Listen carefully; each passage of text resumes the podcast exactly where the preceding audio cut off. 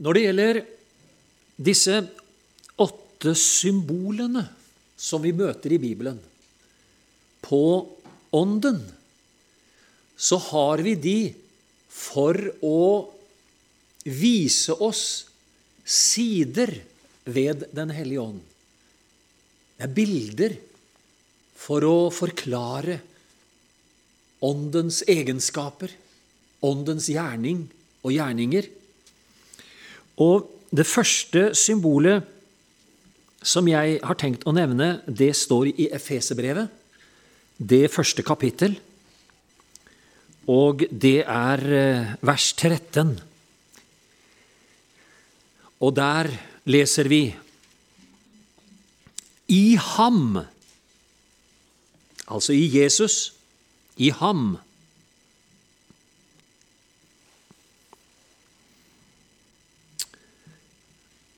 har vi friheten, skal vi se, kjøpt med hans blod, tilgivelse for syndene.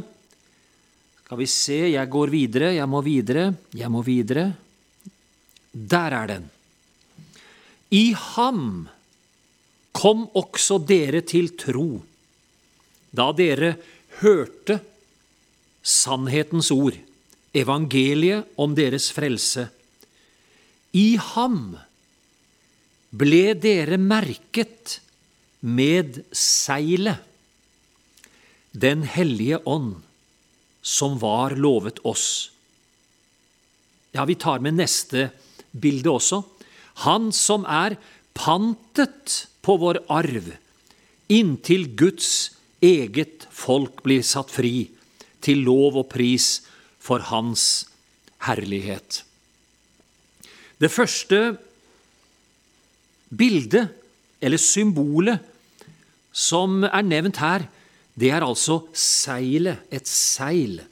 Og da snakker vi ikke om et seil hvor vinden tar tak, men her snakkes det altså om et seil som eh, er et eiendomsstempel.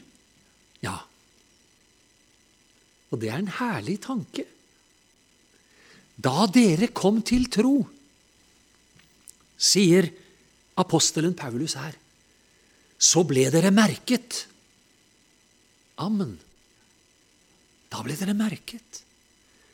Og det dere ble merket med, det var et seil.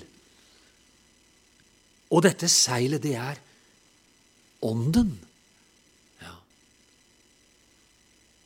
ja var ikke det deilig òg? Det må synke ned. ja. Han har satt sitt seil på oss. Et eiendomsstempel. Hva betyr det? Det betyr at vi er under beskyttelse. Vi er under vern av Den hellige ånd. Ja, underfullt. Husker dere det romerske seilet som ble satt på graven? Det brydde ikke englene seg noe om, altså. Det husker dere jo. Det husker dere. Men eh, hvorfor gjorde den romerske myndighet det? Jo, det var for å si her må dere holde dere unna. Dette er romersk område. Pass dere for det. Hold dere unna. Men det brydde ikke englene seg noe om. Men jeg tenker at Den hellige ånds seil, som er på den troende, det er en beskyttelse for Guds folk. Og jeg tenker, den tanken, den vil jeg ha. Den velsignede Herre Jesus, han har satt sitt seil på oss. Ja. Dere husker dette om endetiden, om et merke. 666. Ja, det har vi lest om. Men her er det et seil fra Herren, og det er Den hellige ånd i våre hjerter som er en beskyttelse. Takk og lov og pris. Dette kunne vi preka mye om. Et herlig Og det er altså en rettsbeskyttelse, for, for vi er hans eiendom. Kjøpt med hans blod. Og er det noen som prøver seg på oss, så legger de seg ut med han. Du tar tanken.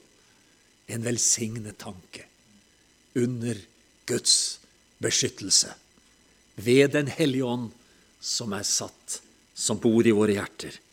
Fordi vi kom til troen, da ble vi merket med dette seilet. Og så står det en ting til, da. Det neste symbolet.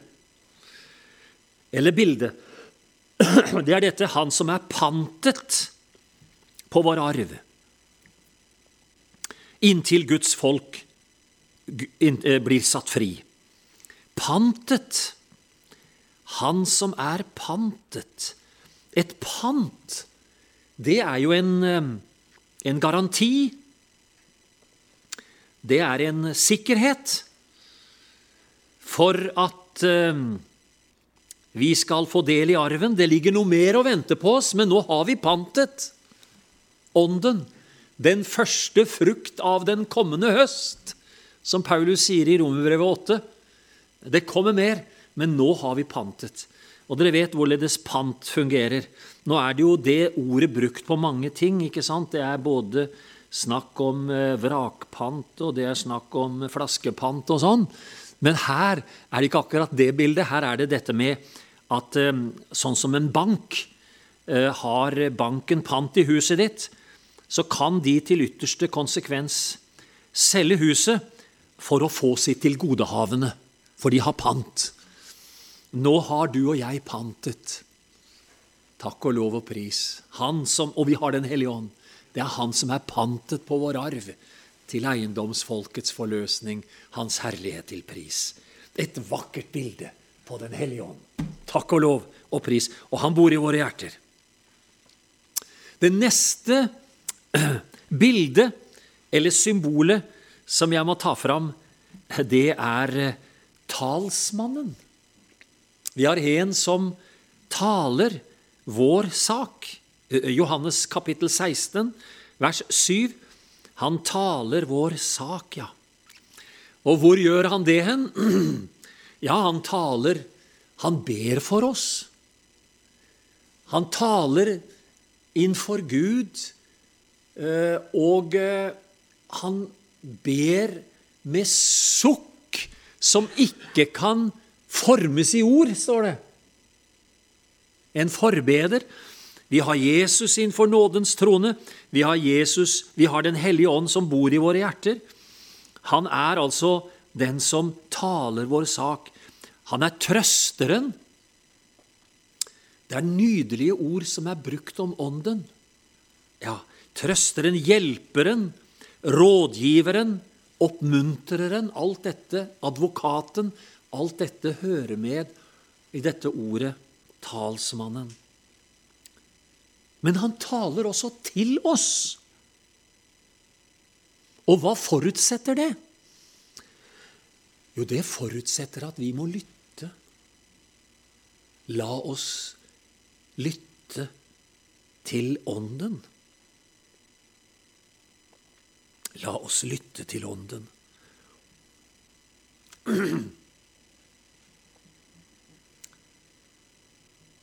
Jeg eh,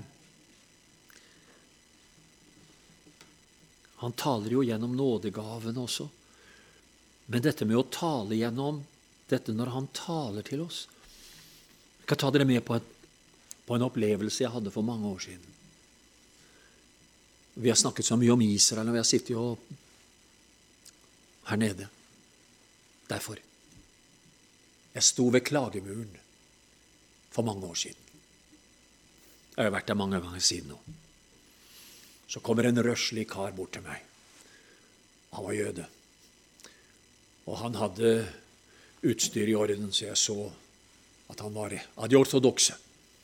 Så setter han øynene på meg, og så sier han, 'Hvorfor er du her?' Tenkte jeg, 'Jesus, hva skal jeg svare?' Da sendte jeg sånn ildtelegram. Å, hva skal jeg svare? og så tror jeg nesten jeg hørte meg selv si For jeg hadde ikke klekt det ut på forhånd. Jeg er her fordi jeg tror på jødenes Messias. Han som er såret for våre overtredelser og knust for våre misgjerninger.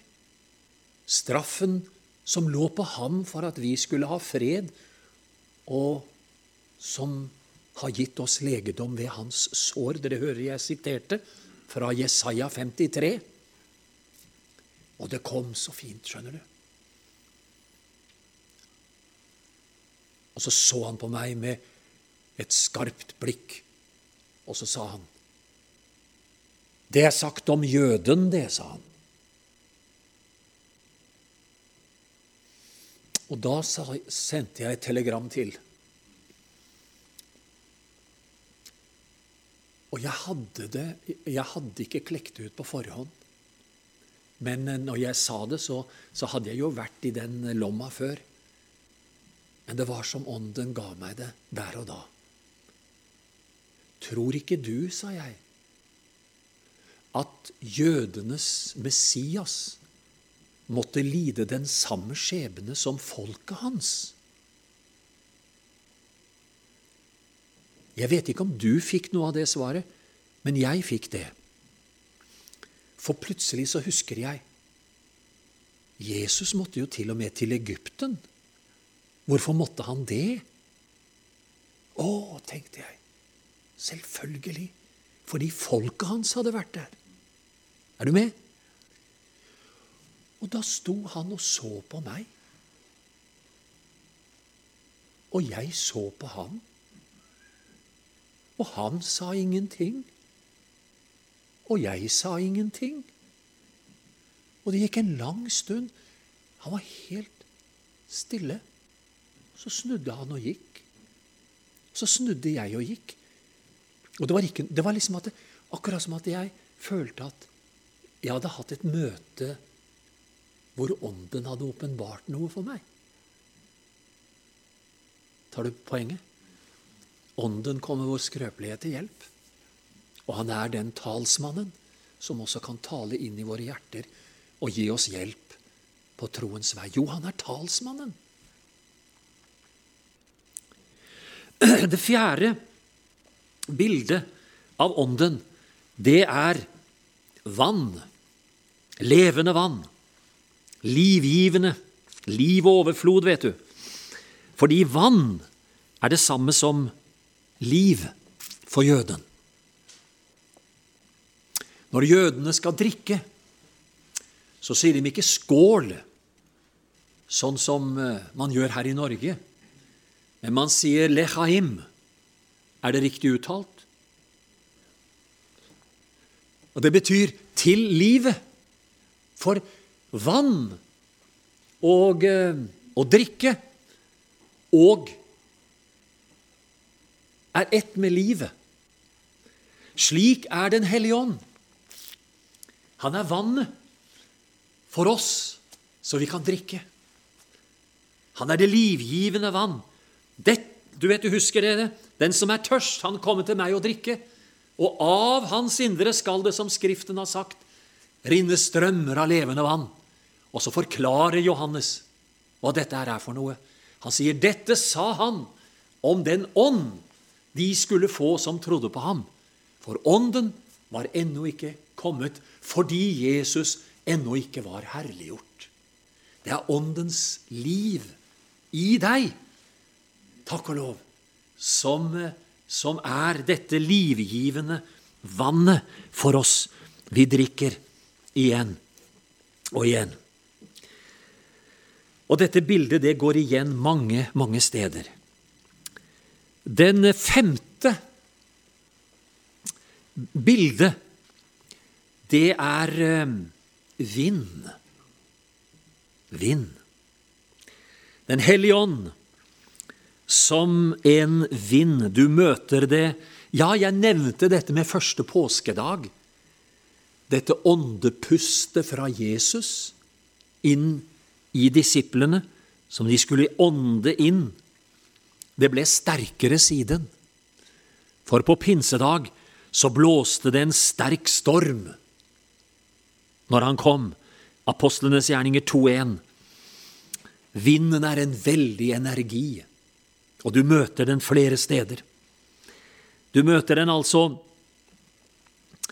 Du møter den altså at eh, Ånden, Bibelen, er innblåst av Gud. Av Ånden. Ikke sant? Og Gud blåste livet inn i mennesket.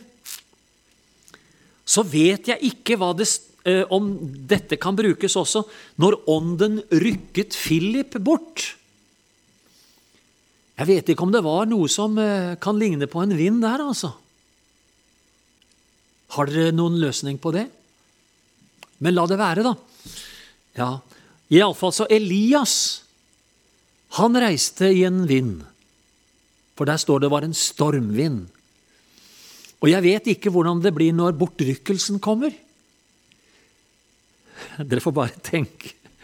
Ikke sant? Men det var da spennende å komme inn på det. Eller så møter vi dette uttrykket også 'løfte vingene som ørner'. Ikke sant? Hva er det som er oppdriften da? Det er vinden. Det er vinden. Hva er det Hva er det vi gjør da? Vi som, når vi tenker på seilskutene Vi eh, heiser seil, og så lar vinden blåse og Jesus sier den Vinden blåser dit den vil, du hører den suse, du vet ikke hvor den kommer fra. hvor det fra. Således er den med den som er født av Ånden. Vinden. Ja. Og når, den, når Ånden er der, hva gjør jeg da? Hva gjør du da? Jo, du, du løfter Du løfter vingene som ørnen, eller, eller du, du utnytter vinden Eh, ved å heise seil. Og hva vil det si å heise seil? Er ikke det det samme som å bekjenne ordet? Bekjenne ordet, bekjenne navnet Jesus, bekjenne troen. Og Ånden er den som driver Guds verk fram i våre hjerter og i våre liv, og iblant oss og andre steder med. Det er dette fantastisk nydelige uttrykket om Åndens vind som blåser. Takk og lov. Det sjette bildet, det er ilden. Åndens ild. Åndens ild og kraft. Jeg syns jeg har lyst til å begynne med kjærlighetens ild. Ånden er kjærligheten. Ånden kommer og formidler Guds kjærlighet inn i menneskets hjerter. Og du verden hvor Når det står om Emmaus-vandrerne, og de tenker tilbake på den turen de hadde fra Jerusalem til Emmaus, brant ikke våre hjerter i oss da, ta, da Han talte til oss på veien og åpnet Skriftene for oss. Åndens ild, det handler om en energi, om en brann. Takk og lov, om nytt, ny kraft. Om ny kraft energi. Og Jesus lovte det. Dere skal få kraft idet Den hellige ånd kommer over dere. Jeg satt på Landmannstorvet i Skien for mange år siden. Så satt ei gammel dame ved siden av meg. Hei, sa jeg. Hei, sa hun. Og så sier hun, 'Jeg fikk ei sånn armodsbeite', sa så jeg måtte sette meg. 'Unnskyld', sa jeg. 'Hva er det du sa?' 'Jeg fikk ei sånn armodsbeite'. Hva var det du kalte det? Armodsbeite. Har dere hørt? Kan dere tenke dere hva det er? Hun kjente seg så maktesløs. Måtte sette seg. Og ja, det er mange som kan kjenne på det. Ja, Og det er to ting som Herren tilbyr oss da. Det står at vi kom til avsides og hvil dere litt. Amen. Men det er også dette. Dere skal få kraft idet Den hellige ånd kommer over dere. Det er ny kraft å få. Det er ny kraft å få. Halleluja. Åndens ild og kraft. Dere, i Porsgrunn så har vi noe dere ikke har i Ålesund eller andre steder i verden. Vi har en gate som heter Nyorkgata. Og det har ingenting med New York å gjøre. Lenge før New York ble hetende New York, så hadde vi den gata i Porsgrunn. Vet du om den, du, Jan? Du har hørt om den, ja? Ja, flott. Ja da. Det er en fantastisk gate. Nei, fordi at New York det, det, det heter Ny Amsterdam den, når den gata her fikk navn. Men vi har altså New York-gata. Men nå lurer dere på hvorfor den heter New York-gata? Jo, det kommer ikke av New York by, altså. Men det kommer av å få ny ork. Nei. Dere vet ikke hva det betyr? Ikke sant? Ork, det skjønner vi. Det er de i Ålesund òg, det. Ny Ork.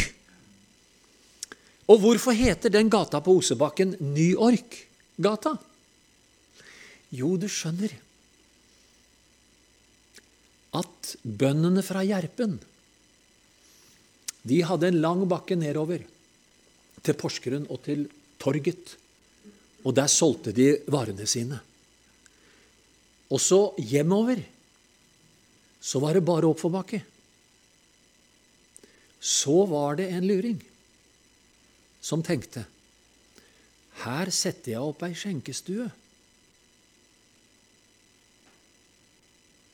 Hørte dere? Her setter jeg opp ei skjenkestue, så de kan få seg litt å styrke seg på før de reiser videre. Og da får de ny ork. Jeg vet ikke om dette bildet passer da, i en kristen forsamling, men jeg syns egentlig den var litt god, da. Og dere må bare overføre den på riktig måte. For uh, nå vet jo jeg det at de ble jo, uh, de, de ble jo litt, uh, det ble jo litt mindre penger når de kom hjem, for de som benyttet seg av dette her. Men for oss så kan jeg jo si vi får det uten penger og uten betaling. Halleluja. Når vi søker Gud, så har Han kraft for den som er kraftesløs. Ja, men det sier vi halleluja til. Priset være Gud for det. Han gir den trette kraft, og den som ingen krefter har, gir han stor styrke. Halleluja. Den hellige ånd, det er kraften, det er ilden. Takk og lov. Han skal døpe dere med Den hellige ånd og ild. Det er det vidunderlige som vi møter hos Herren Jesus Kristus. Men vi, må ha med noe mer også om dette med ilden. For ilden handler også om at uh, ilden brenner bort noe. Er du med? Ilden brenner bort noe. Et møte med kjærlighetens ild, et møte med åndens ild og kraft, gjør også at vi lar noe brenne opp i våre liv som er agner. Er du med? i forbindelse med korn, vet du. Så han måtte, måtte rense låven. Og sånn er det også noen ganger i våre liv hvor vi kjenner at det er godt å få ryddet opp og få det ut som ikke hører hjemme, og få en fornyelse, en ildens fornyelse, halleluja, i den enkeltes hjerter. Den syvende symbolet, det er duen. Åndens eh, bildet på ånden er også duen. Og den åpenbarer seg eh, da Jesus stiger opp av vannet ved Jordan. Da åpnet himmelen seg, står det. Og så kommer duen ned og over ham. Ånden kommer over ham i en dues skikkelse.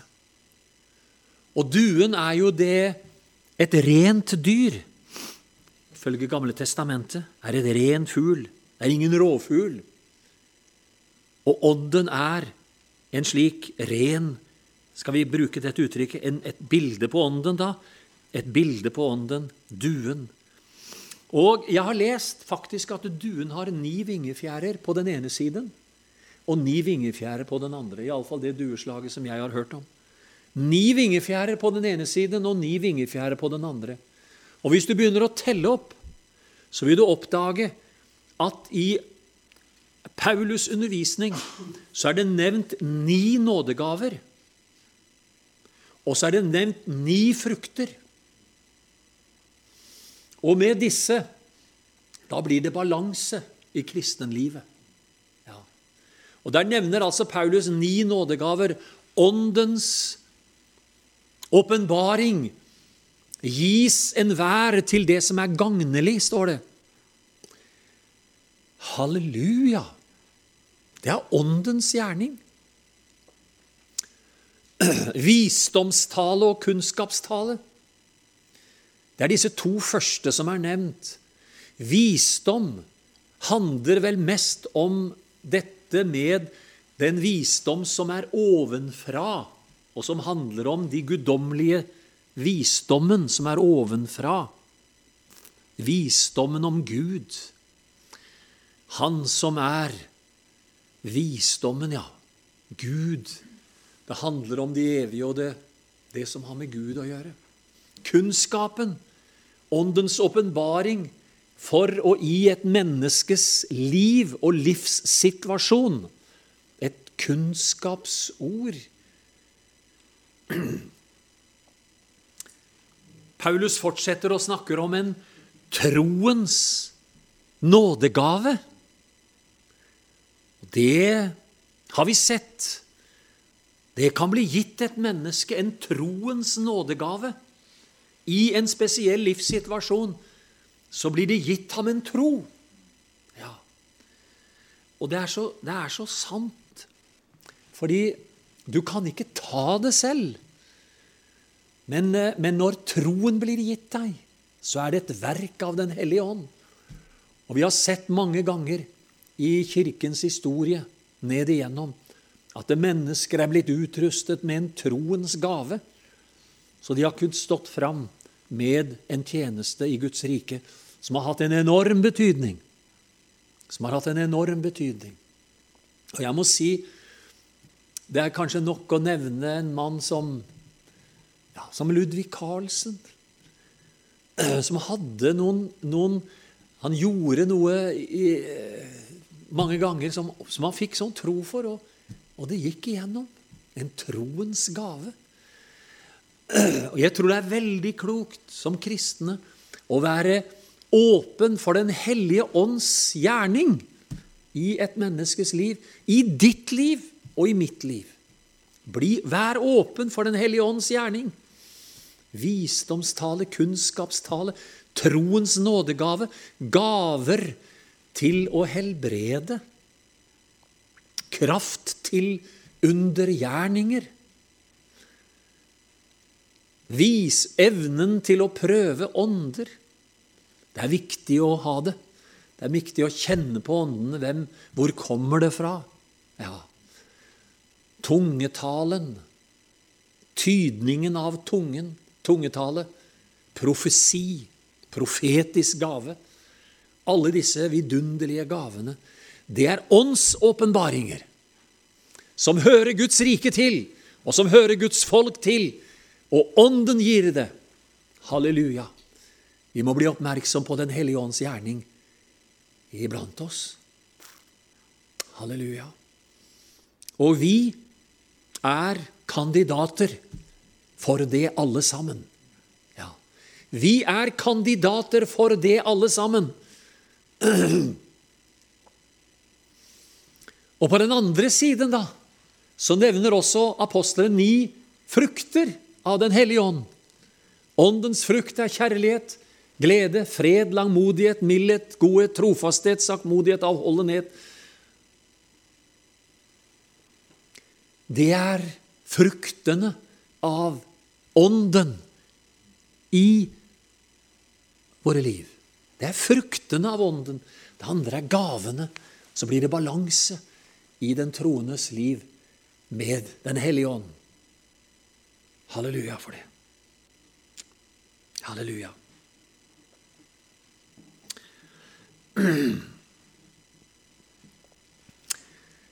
Jeg var 16 år i 1966. Og vi hadde en forstander i Porsgrunn som het Christian Heggelund. Han eh, hadde en del god kontakt med eh, pinsevekkelsen i Sverige og bl.a. Levi Petrus. Og til pinsestevnet i evangeliehuset så hadde Christian Heggelund invitert Levi Petrus. Og det stevne det skulle vi ha i Folkets hus i Porsgrunn. Og Heggelund likte det å ha Folkets hus, for han ville samle fullt hus noen ganger, og, og det gjorde han jo selvfølgelig når Levi Petrus skulle komme. Og Jeg husker Heggelund sa til oss gutter som satt på første eller andre rad Etter at møtet var ferdig, så sa han nå gutter, nå må dere gå fram og hilse på Petrus, for det vil dere huske resten av livet. Vi var litt sjenerte og syntes kanskje det var litt i overkant, men vi dristet oss til og gikk bort og bukket og hilste. Og jeg gjorde det også, selvfølgelig. Så jeg har hilst på Levi Petrus. Har dere?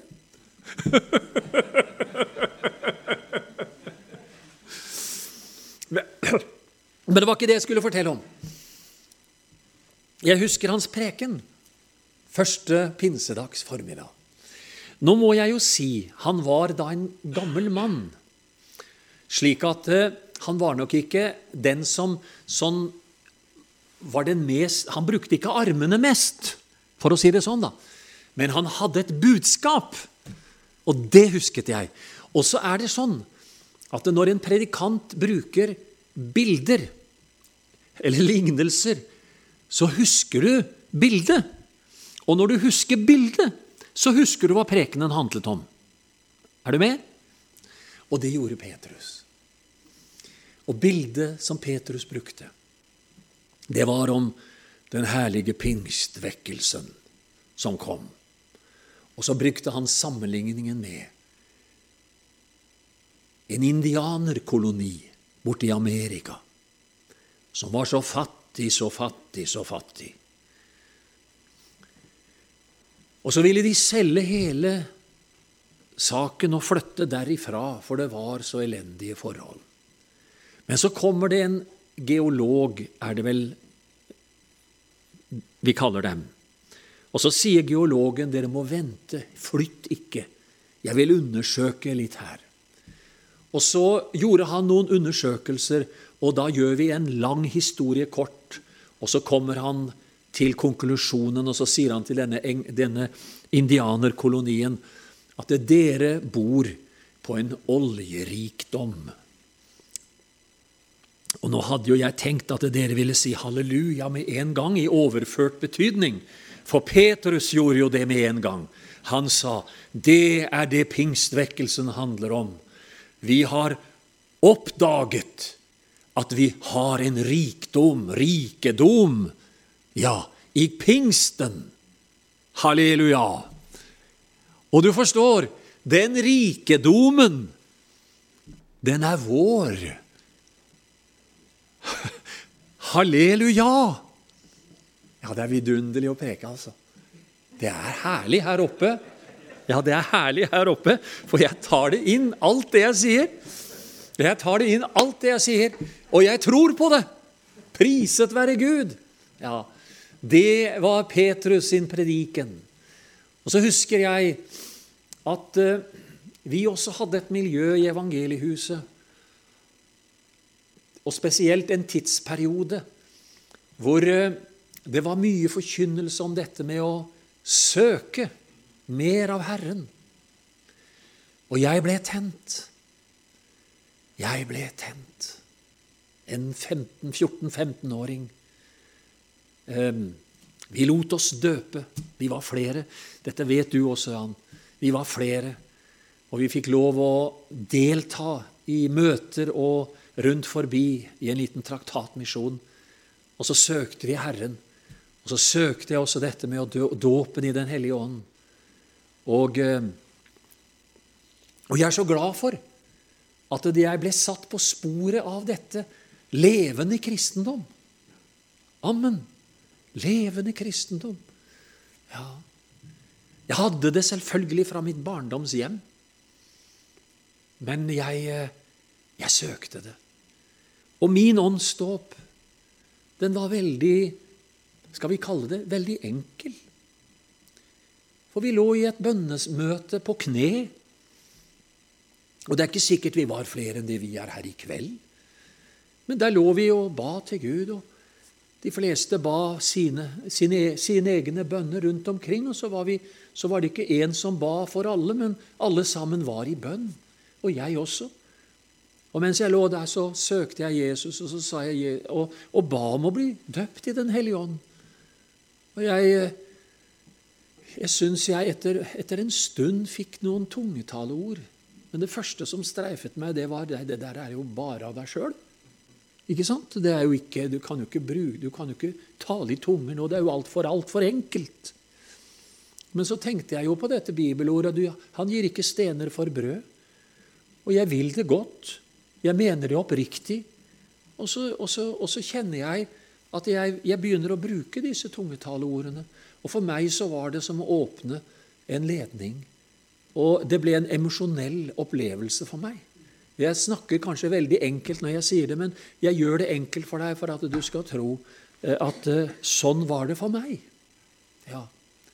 Levi Petrus forteller selv om sin åndsdåp, og den opplevde han i 1902.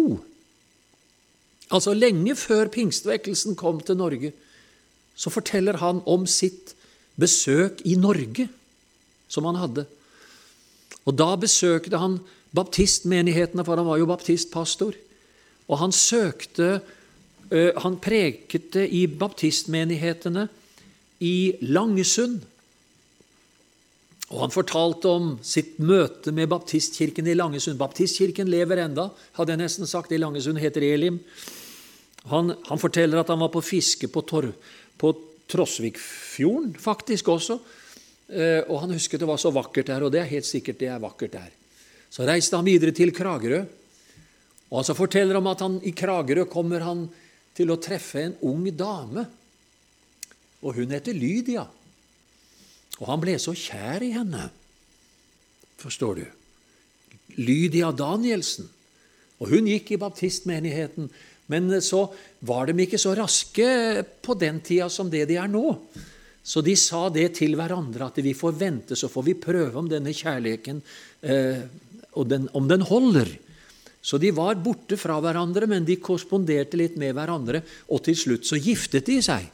Så Levi Petrus ble gift med en dame fra Kragerø som heter Lydia Danielsen. Det var ikke det jeg skulle fortelle om da, men jeg synes jo vi kan jo være kry av det, vi også, når vi er fra Telemark. da. Ikke sant? Nok om det. Han reiste videre ned til Lillesand. Og dette er en juni. Og der i, i, i Lillesand der predi, preker han i en baptistmenighet eh, i Lillesand. Og da jeg på 70-tallet var i Kristiansand, så var det en dame som tilhørte denne baptistmenigheten. Hun feiret 100-årsjubileum. Hun het Samsra Svendsen ja, jeg La det være samme hva hun heter. Men Kristian Sundsdal, en predikantkollega og en eldre broder, han kjente henne, og så spurte Kristian Sundsdal henne hvordan syns du Levi Petrus var når han prediket og så der, så sier hun et vakkert ord. Hun, hun, sa det på denne måten. Det var som om Herren hadde, hadde, hadde fri adgang til hans indre. Jeg syns det var så vakkert. Syns dere ikke det? Det var, det var, Herren hadde fri adgang. Og det er det han må ha, vet du. Herren må ha fri adgang inn i våre hjerter og i våre liv. Nok om det. Når mandagen kom, etter at de hadde vært sammen Ja, nå sier jeg det litt feil. Når han hadde hatt sine møter i Lillesand, så skulle han til Arendal. Men eh, båten fra Lillesand til Arendal, den gikk tidlig om morgenen ved firetiden fra Lillesand. Så da var menigheten sammen i sitt lokale den natten til mandagen, og Petrus var der. Og så ville de følge ham ned til brygga og så si adjø med ham eh, der nede. Hvilket de gjør. Og så forteller Petrus at da han kom om bord i denne nattbåten, så sto han og så utover Skagerrak. Og det er en vakker skjærgård. Og så går solen opp over Skagerrak. Og det, det er ingen som har malt Skagerrak i soloppgang, slik som Edvard Munch har gjort, for han var i Kragerø og malte soloppgangen. Og det kan du se på universitetets aula. Frontveggen der. Nok om det. Levi Petrus sto på båten og så utover Skagerrak og så solen gå opp. Og da sier Levi Petrus at jeg ble så overveldet av Skaperen at når han sto Han sto der. Så begynte jeg å prise Gud i, en, i et nytt språk, sa han. Jeg forstyrret ingen, men jeg sto der alene og opplevde bølger over mitt eget liv og talte i et nytt språk i tunger. Så kom han til Arendal, og han var så grepet at han tok frimodighet til seg og fortalte det til baptistpastoren. Da sa baptistpastoren det er farlig, sa han. Det må du aldri fort, det må du ikke fortsette med, for det er farlig. Så han, han, han lot det være. Men så kommer, så kommer Barrat hjem fra USA, og han reiser til Kristiania. For han ville teste ut hva han selv hadde opplevd. Og da går han fram og spør eh, Barat om Barat kunne be for ham, hvilket Barat gjorde. Og han stilte ham jo også disse radikale spørsmålene vil du gå hvor som helst for Jesus? Vil du være hva som helst for Jesus? Og Det var noen ransakende spørsmål. Og så sier Peterus at han overlot hele sitt liv til Herren. Og det er det godt for oss alle sammen å gjøre. Så det er ikke farlig. Amen. Men da gjorde han det. Og så sier Petrus at da jeg reiste hjem fra møtet med Barrat, så forsto jeg at det jeg hadde opplevd, det var en dåp i Den hellige ånd. Ja, hva opplevde Hans Nilsen Hauge, tro? Han beskriver selv at han talte i tunger, et språk han ikke forsto. Og på bautaen over hans liv, eller der borte på Østfold, så står det:" Jeg har svoret Den hellige ånd troskap, og han har hjulpet meg at blive mitt forsett tro. Det var et møte med Den hellige ånd som førte den første sterke åndsvekkelsen over Norge med Hans Nilsen Hauge. Ja, jeg kanskje kunne fortelle en historie til, så skal jeg finne en landingsplass. Er det greit?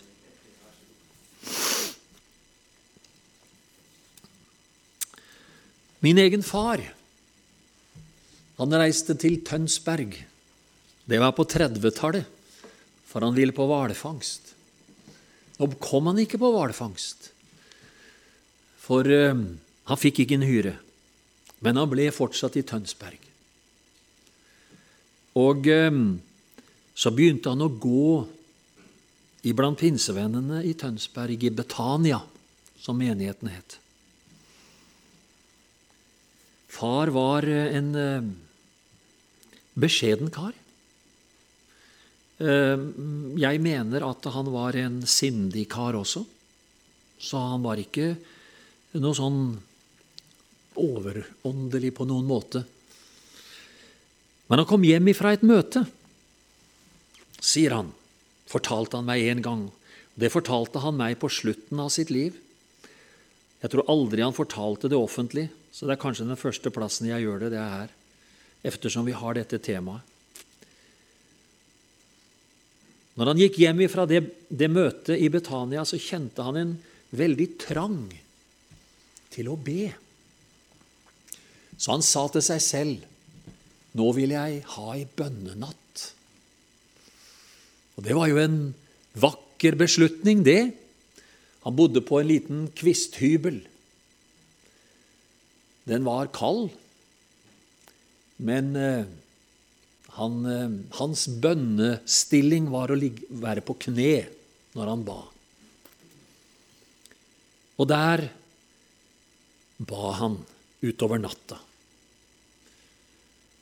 Så sovnet han.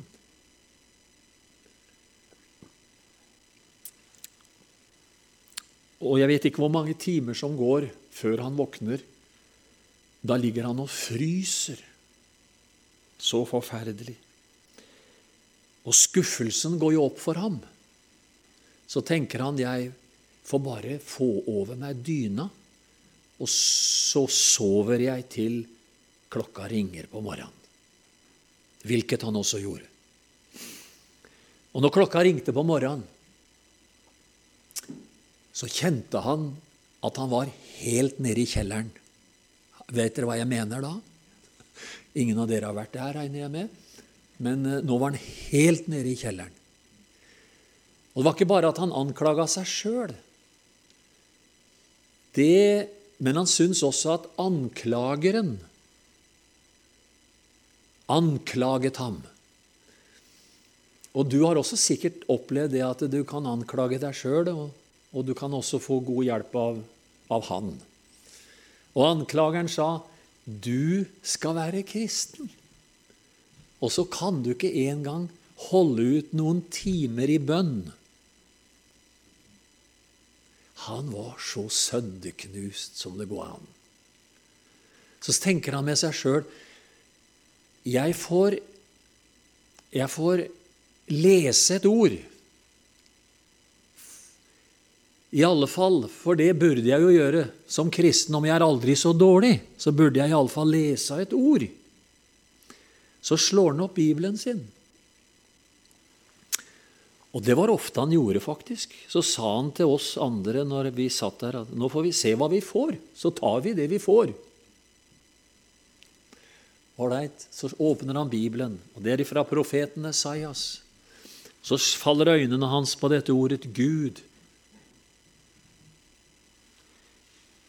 Du er min Gud, og dine bud fra gammel tid er sannhet og trofasthet. Det var akkurat som du skrudde på en strømbryter. Og han kjente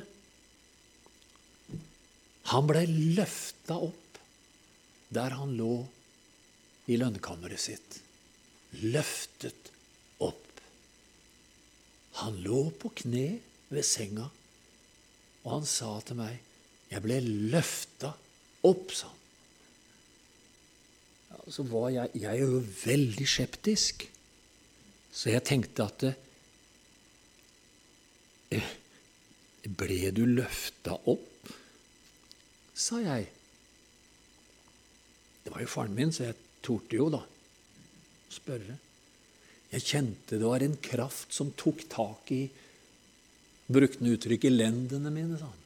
Og jeg ble løfta opp da jeg lå. Og så hørte jeg meg selv tale et språk i tunger. Så Jeg vet ikke hvor lenge det varte. Men så fikk han jo ikke noe ut av denne, denne tungetalen, for han fikk ikke noen tydning. Men han husket et par ord, sa han. Det ene ordet, det var Wisconsin. Og det andre ordet, det var ora et labora. Og det lurte han veldig på hva dette her kunne bety. Så tenkte han at eh, jeg får se et leksikon, om jeg kan få noen tydning. Så, så fant han et leksikon, da, omsider. Og der sto det, sa han, på overs, over Wisconsin er USAs kornkammer. Og så fant han ut på en annen måte dette med orda et labora, hva det betyr. Og det er det noen av dere som vet hva det betyr. Det betyr be og arbeid. Og så sa far det. Jeg konkluderte med at det jeg skulle gjøre, min tjeneste, skulle være en bønnens tjeneste.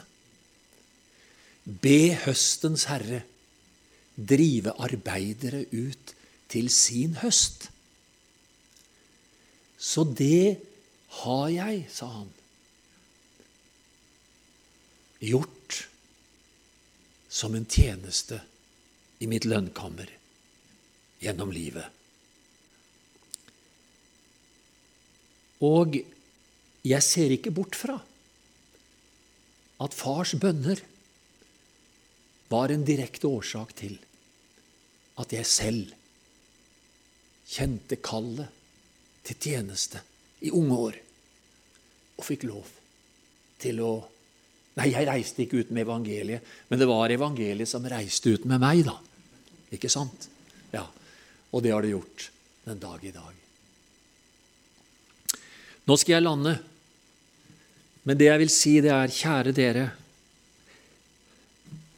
Ånden er en realitet i Guds rike. Amen. Og vi behøver ikke å prøve å lage noe. Vi skal bare la Åndens gjerning åpenbares i Guds forsamling. Og være ydmyke og troende, så vi lar Guds verk drives frem ved Den hellige ånds kraft.